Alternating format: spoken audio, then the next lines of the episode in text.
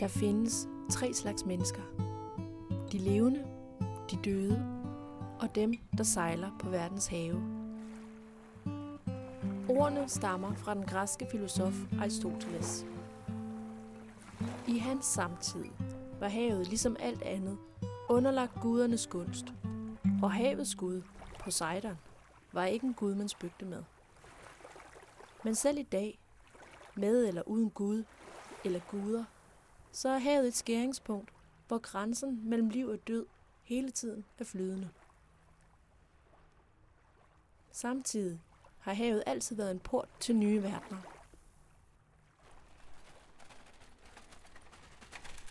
På Christianshavn ved hjørnet, hvor Christianshavns kanal og Vilders kanal mødes, bor 83 søfarende. Hver især har de sejlet på dækket i mindst 12 år. Det er et af kravene for at blive medlem af Sømandsforeningen 1856, og for at få en bolig her i Prinsesse Maries hjem for gamle sømænd og sømandsenker. Og her er jeg taget hen for at blive klogere på, hvem de er. Den tredje slags mennesker, dem, der sejler på verdens have. En af dem, man møder her, er Fritz. Som Mark Twain siger, altså, jeg har, jeg har haft mange bekymringer, og det var ikke mange af dem, der blev til noget. Fritz er en mand med kærlighed til mange ting. Som ung nærede han en stor kærlighed, selvom han nok selv ville have kaldt det noget andet, til The Beatles og til Creedence Clearwater Revival, som man hørte som 12-13-årig knægt i KB-hallen med sin mor stående ude for jen, fordi han selv var for lille til at tage afsted alene. Han har en stor kærlighed til tegneseriefiguren Corto Maltese, som rejser rundt i verden, streg for streg. Corto Maltese, han er en eventyr, han er en sømand uden skib og bevæger sig også sådan igennem mange mm, øh, steder, altså sådan historisk, altså det, altså så er han nok over 100 år gammel og sådan nogle ting der, altså, ikke? På mange af sine rejser er Corto Maltese i Venedig. Og apropos Venedig, så har Fritz også en stor kærlighed til byen med Sukkenes Bro. Det er en kærlighed, han har arvet fra sin far, og på den måde kunne man blive ved. Fra hans dybe fascination af indianere, til hans samling af hatte, halvanden meter høje papfigurer og dyrekranier. Det der dyr der, hvad er det for et dyr? Det er en isbjørn. Det er en isbjørn. Men først og fremmest har Fritz en dyb kærlighed til havet, til Christianshavn og til huset her. Og han har en plan om, hvordan de tre ting vil følge ham i døden. Men den plan, den fortæller vi først til sidst.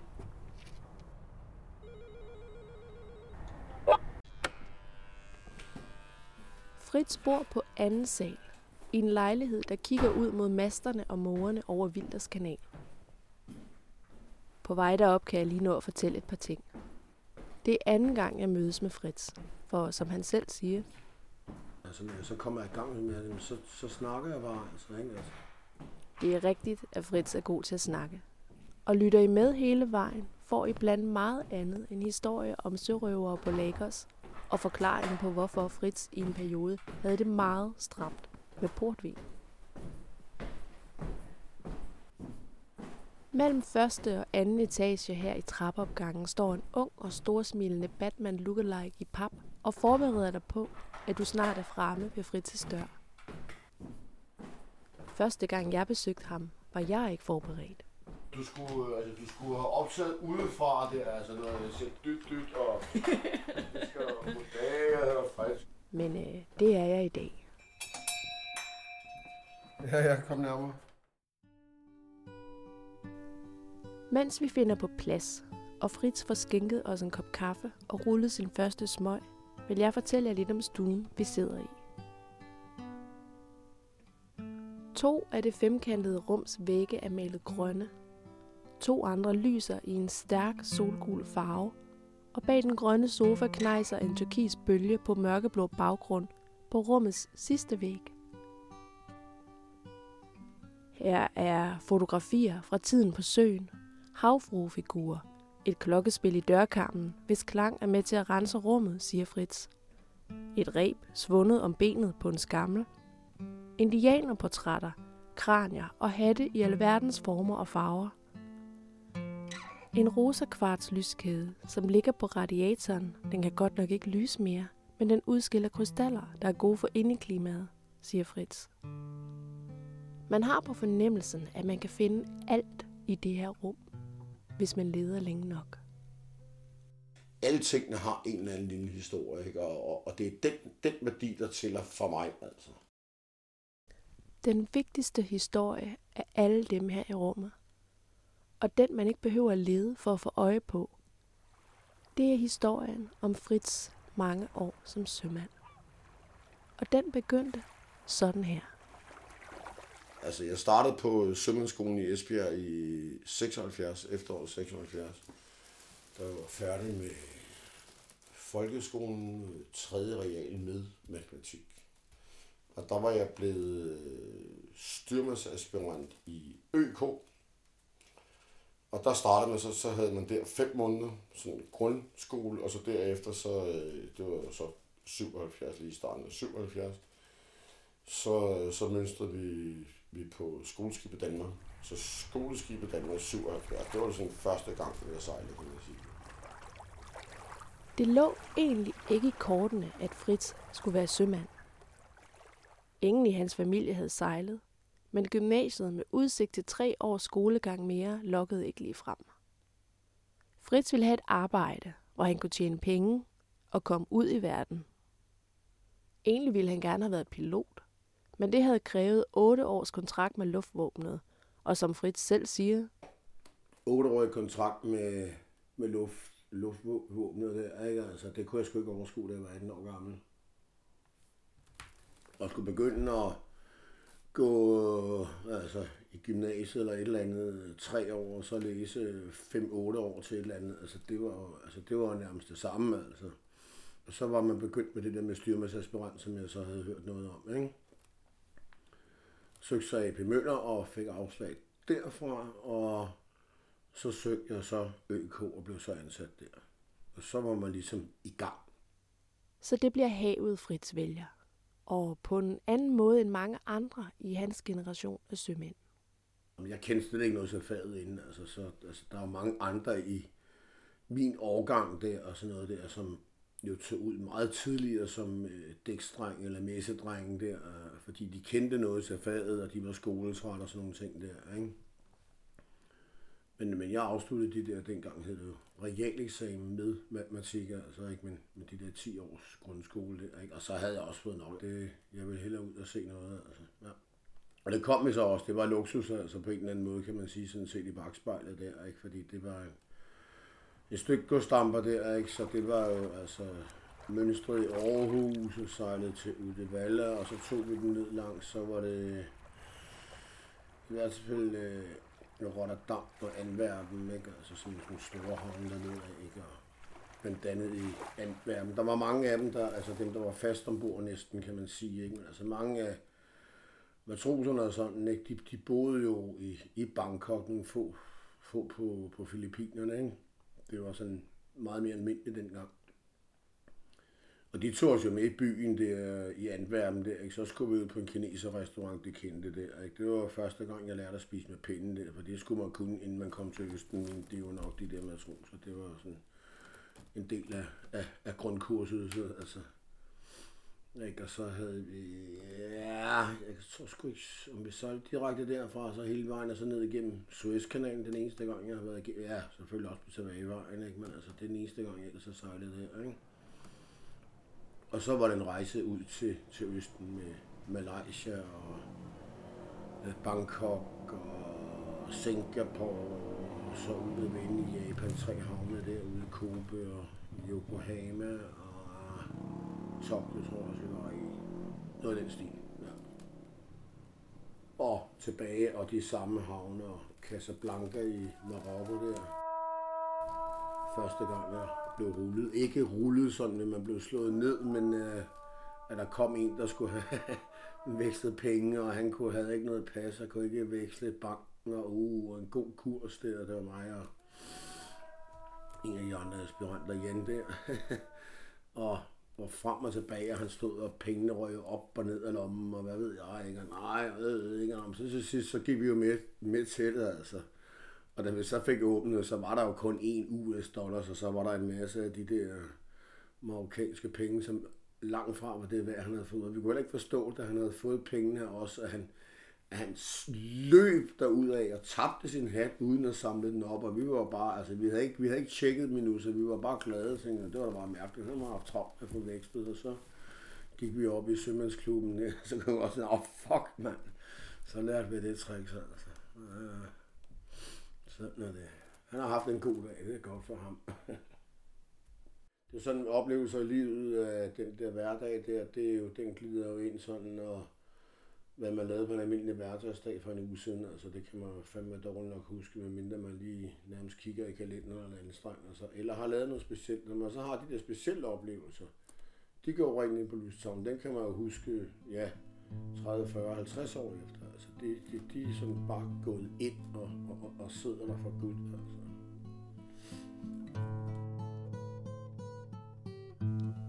En af de oplevelser, der sidder for Gud i Fritzes hukommelse, det er den fortælling, som har noget med portvin at gøre. Vi skal tilbage til 1978 og ombord på en lille coaster. Men før vi når dertil, så skal vi lige et smut forbi Lagos i Nigeria. Der, da vi skulle ned, det var lige efter, der havde faktisk været piratoverfald på et dansk skib, ikke, hvor der var en Uh, en styrmand, der blev slået ihjel faktisk, og en maskinmester, der fik skudt et øje ud og sådan noget der. Ikke? Så jeg tror, der var syv skibe i det rederi der.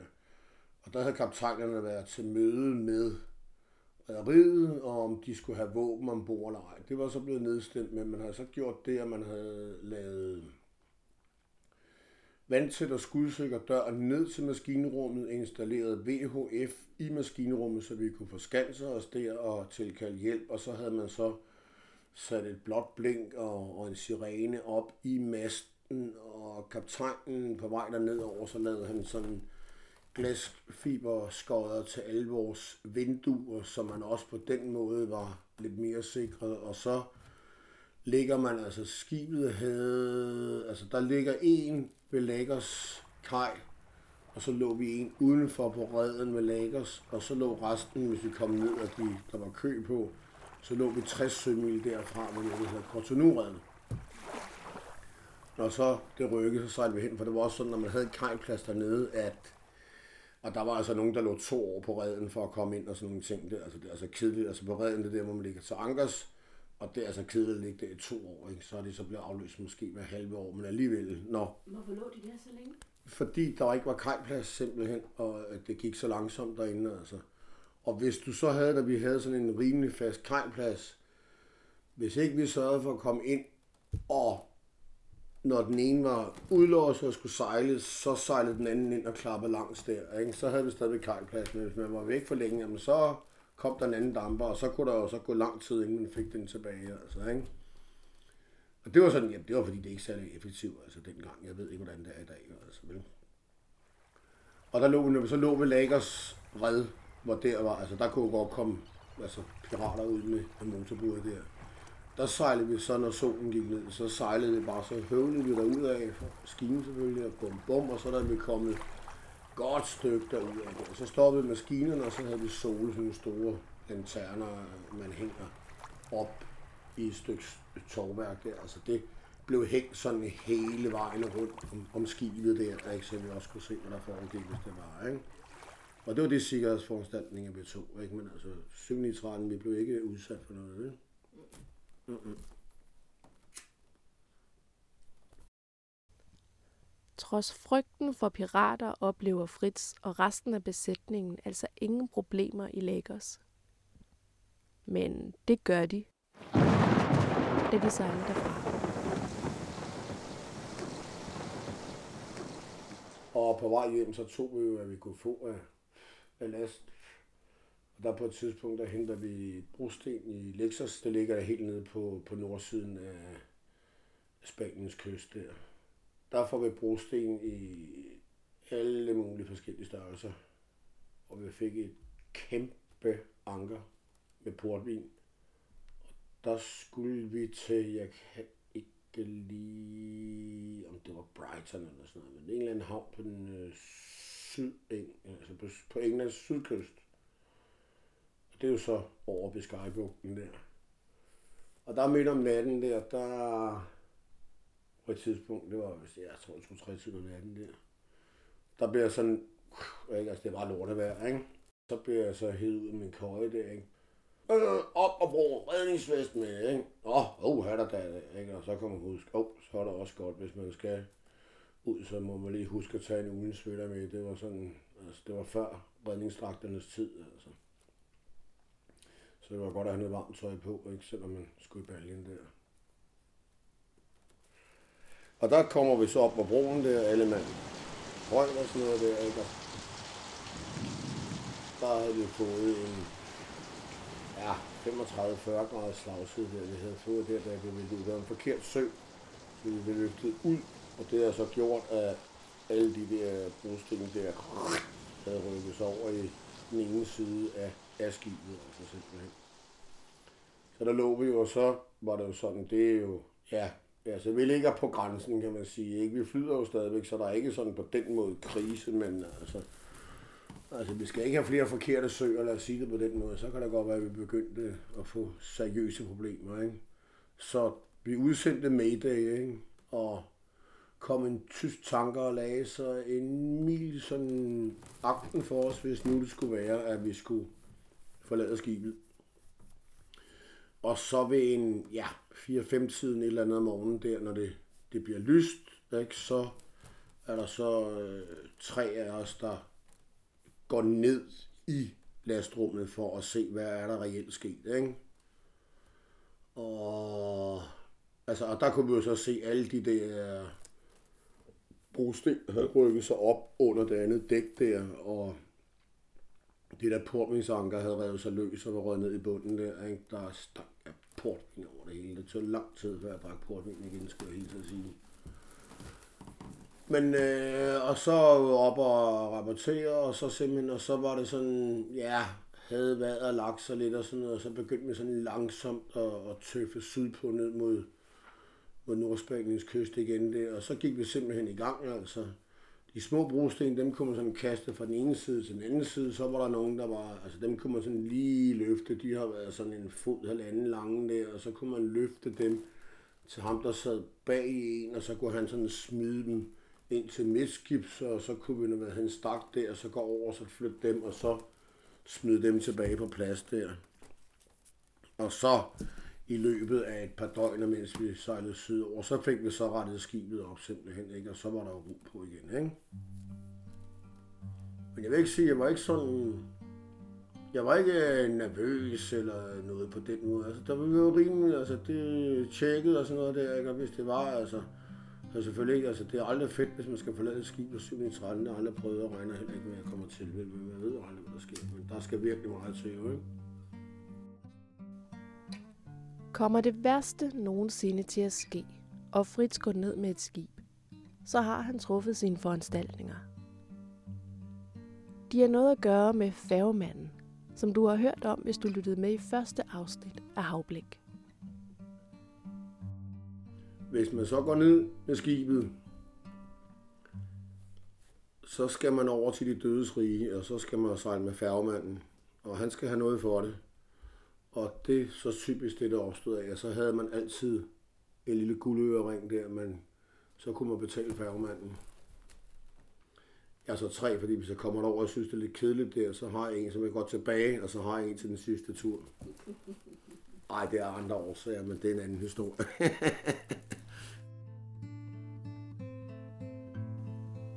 Vi forlader lige søen og havets verden et øjeblik – vi skal hjem igen til lejligheden her på Christianshavn. Der er nemlig noget, jeg er nødt til at fortælle. Noget, jeg tror, der er vigtigt for at forstå Fritzes forhold til havet. Vi skal tilbage til hans barndom. Jeg er jo ikke sådan en rigtig krigsbarn, men alligevel, altså min mor var fra øh, 29, ikke, og min far var fra øh, 14, ikke, og han var, ja, han var politimand under 2. verdenskrig, ikke, og øh, røg i koncentrationslejre, altså der, der politiet blev taget der i september, øh, ja, det har jo været, hvad fanden var det, de var 45, så det har været september 44, ikke? Jeg har været at kigge, jeg ved, hvor den ligger, den ligger lidt nord for øh, München, lejren der, øh, og jeg, et eller andet sted har jeg sådan, jeg, jeg, jeg, jeg bliver nødt til at besøge den, agtigt altså, ikke? Men jeg har så besøgt Auschwitz, der var to kammerater, og den enes kæreste der, var vi på MC-tur ned til Ungarn, og da vi så kørte hjem, så kørte vi op igennem Sydpolen, ikke altså. Og altså, det, det var det, vi aftalt, ikke? Altså besøgte Auschwitz der, altså, ikke? Og, og, og, og, jeg sad og tænkte over det går, og tænkte, at det er, fordi den der bog, jeg købte for flere år siden øh, ude på Politimuseet på Nørrebro, den, den handler om Buchenwald, altså, at det, Øh, jeg er kommet i gang med at læse indledninger, jeg magtede ikke at læse mere. Og det var ikke noget med far, han, det var meget lidt, det var meget lidt, der blev snakket om det. Altså, ikke? Men altså, jo, jeg vidste om det, ikke? og han fortalte det kun sådan nogle sjove historier om, om det der, da de skulle bygge et hus for tyskerne. Og, ikke? Og så byggede de dem, så glemte de at sætte døre og vinduer i, ikke? Altså for ligesom at tage pis på dem, altså ikke deres lille oprør, ikke? Men altså, det har ikke været, det har æder med sindssygt, man, ikke? Det...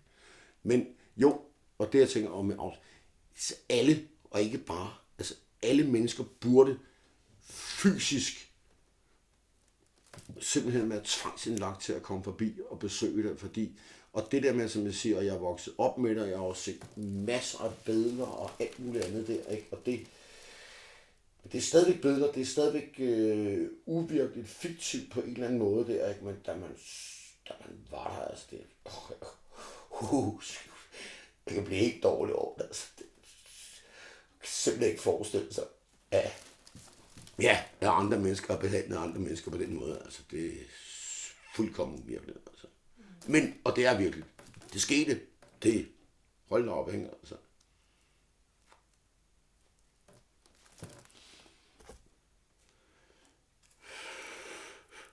Ikke for meget det der tuderi der på.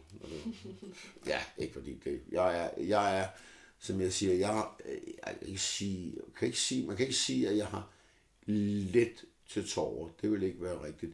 Men jeg er rørstrøm som en i pokker, altså. Og jeg er ikke, jeg er kommet over det der med, at hvad kan man sige, hvis der er noget, jeg bliver rørt af, altså, så, så er det ikke sådan, jeg voksne med græder, bla bla bla, ikke? Altså, det er jo lidt, næsten lidt en ånd, man har opdraget, men øh, sådan har jeg det sgu ikke så meget længere.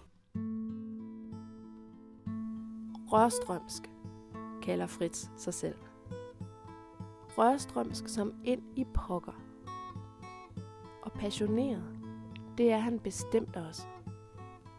Hans stemme stiger til den dobbelte decibel, når samtalen drejer ind på gyldne håndtryk i finansverdenen, på unødvendigt forbrugsræs eller på politikere, som ikke har blikket for samfundets svageste. Han virker til at være en mand, som mærker verden og tager den ind og måske nogle gange får lidt for meget af den. Måske det er derfor, at hans største oplevelser på havet ikke har været mødet med fremmede kulturer og eksotiske kyster, men i stedet har været oplevelser som dem her. De rejser jeg sådan, altså ja, kan man så sige, måske har gjort mest indtryk, og så man Altså et eller andet. Og det, det er at sejle over hedder med en fuld række, det er at bruge tre uger på at komme fra den ene kyst til den anden kyst. Altså, ikke? At være ude i midten af landet og kravle op i sådan en masse 30 meter oppe der, ikke? så, man også, så mærker man ikke så meget, altså de der 70-80 mennesker, man er sammen med på skibet. Og så sidder jeg oppe og ser, at du kan overhovedet ikke se, se, se land i nogen retning, og ved, der er langt til land og så er der 5.000 meter vand under kølen. Altså. Det er lidt fascinerende, synes jeg. Ja,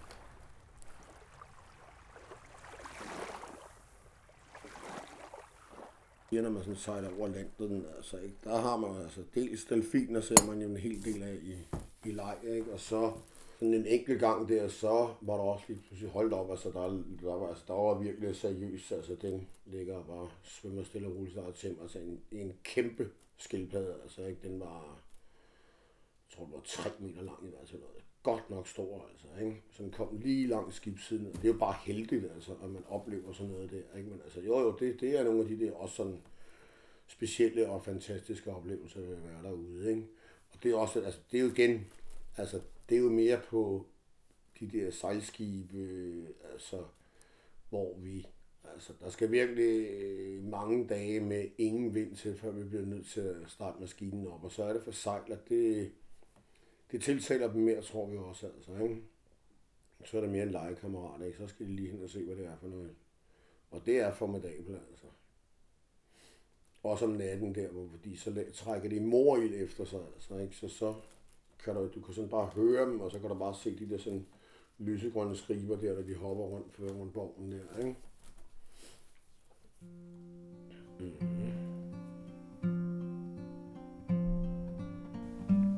Mens Fritz har fortalt om delfiner i leg og morild, der lyser grønt i natten, har jeg siddet og kigget på et fotografi på væggen foran mig.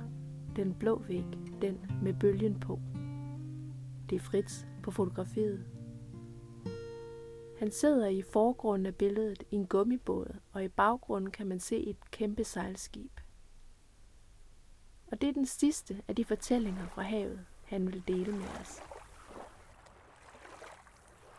Ude på midten af Landerhavet, der i, i gummibåd, der, åh, hvad var det for et, ja, det var ikke, jeg mener, det var, det var senere end 99, jeg kan lige huske det, når det 89. Og vi havde en fotograf med ombord, som ja, skulle tage billeder, skulle sende op. Og så blev vi enige om, at vi laver det sådan, altså hvis man kender til det, det gør man ikke, altså selve øh, sejlmanøveren på Geostat, det er sådan, at man gør med en fuldræk, og så bremser man bak, stop. Altså, ikke? Og det er den måde, man gør det på. Så satte vi mopbåden i vandet, mig som bådfører, og så var der en elev med, og så var der så Susanne, ikke? og så sejlede vi lidt rundt derude på, på midten af, af Landerhavet der, og, og tog en masse bødler geostage der. Og, og så har jeg prøvet det en gang tidligere på, eller en gang senere på, på, på Christian Radik der. Der lavede vi også sådan en derude på, det var så ikke i midten af Landerhavet, det var imellem øh, Gibraltar og så ud mod Azorerne der. Men og det var, altså, det var så kun mig og en enkelt elev der, og, øh, og der er de der dønninger der, som, altså det er sådan nogle store, dybe nogen. Det er ikke, altså det er jo ikke krabsø og sådan, altså det, men altså de er, jeg ved ikke, sted mellem 15 meter høje i hvert fald, ikke? Altså det er sådan, men det er sådan en stor rund, altså ligesom en kæmpe sandbanke, altså sådan meget rund og blød i det der. Og der på et tidspunkt er vi nede mellem sådan to der, så vi kan ikke engang se toppen af masterne der på Christian Radik, som rager de der 30 meter plus op i luften der, ikke? Og der er man altså virkelig meget lille, når man sidder i en gummibåd derude, skulle jeg hilse at sige. Der mærker, der har man virkelig får den der, hold op, det er, ja, vi er meget, meget små i den her kæmpe verden.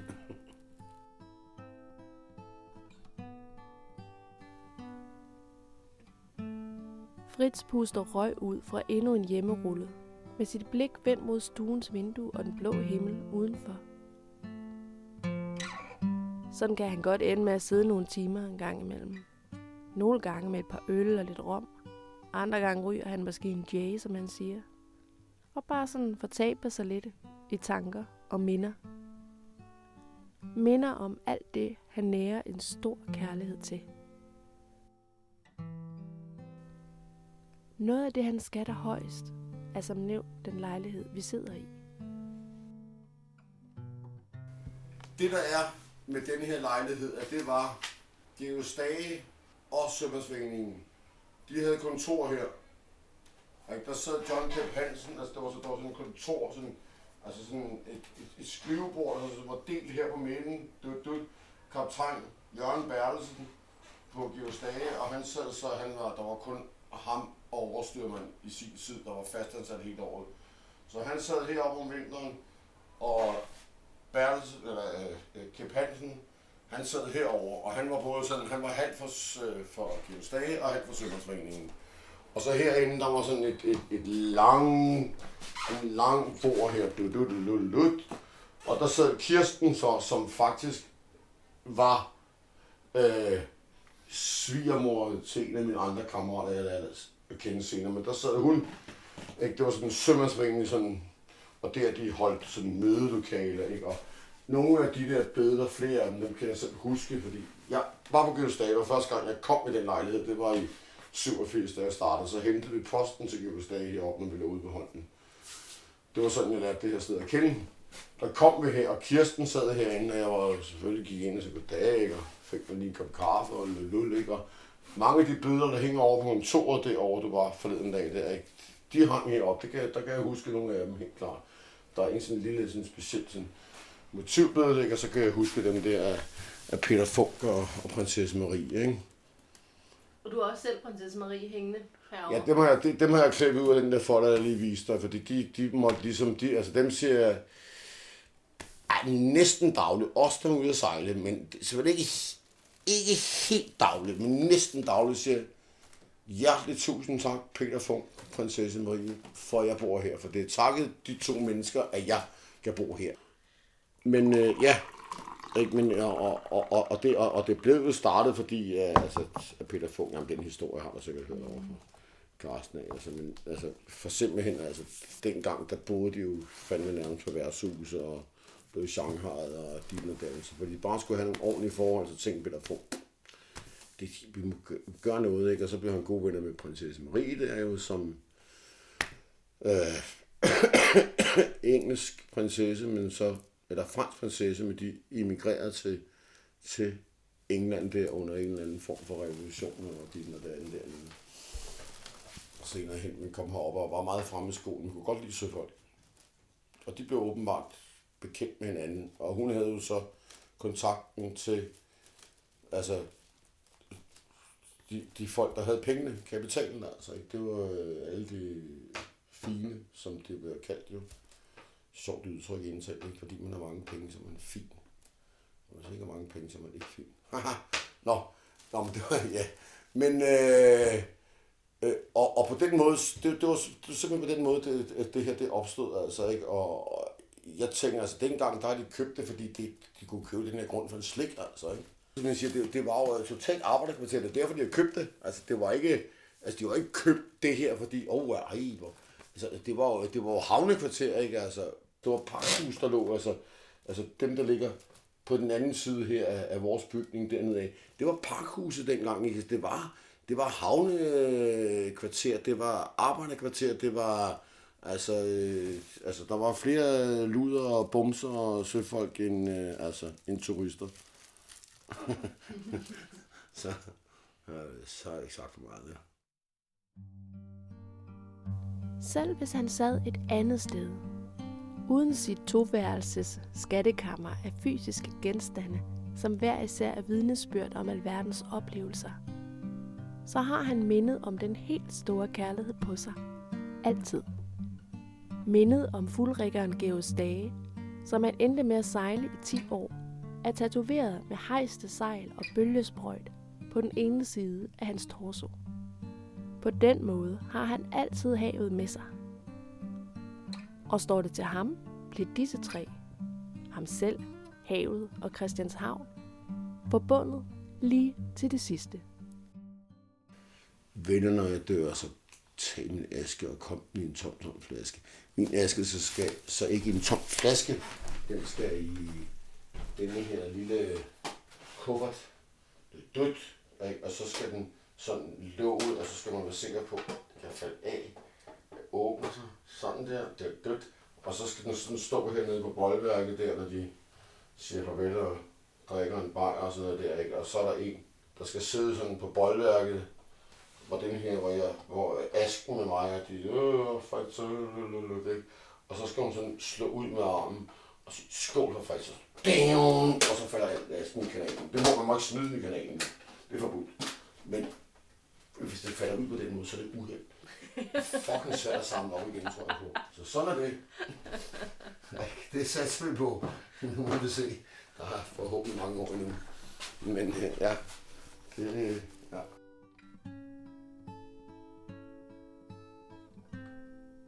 Du har lyttet til Havblik, lydportrætter fra verdens have.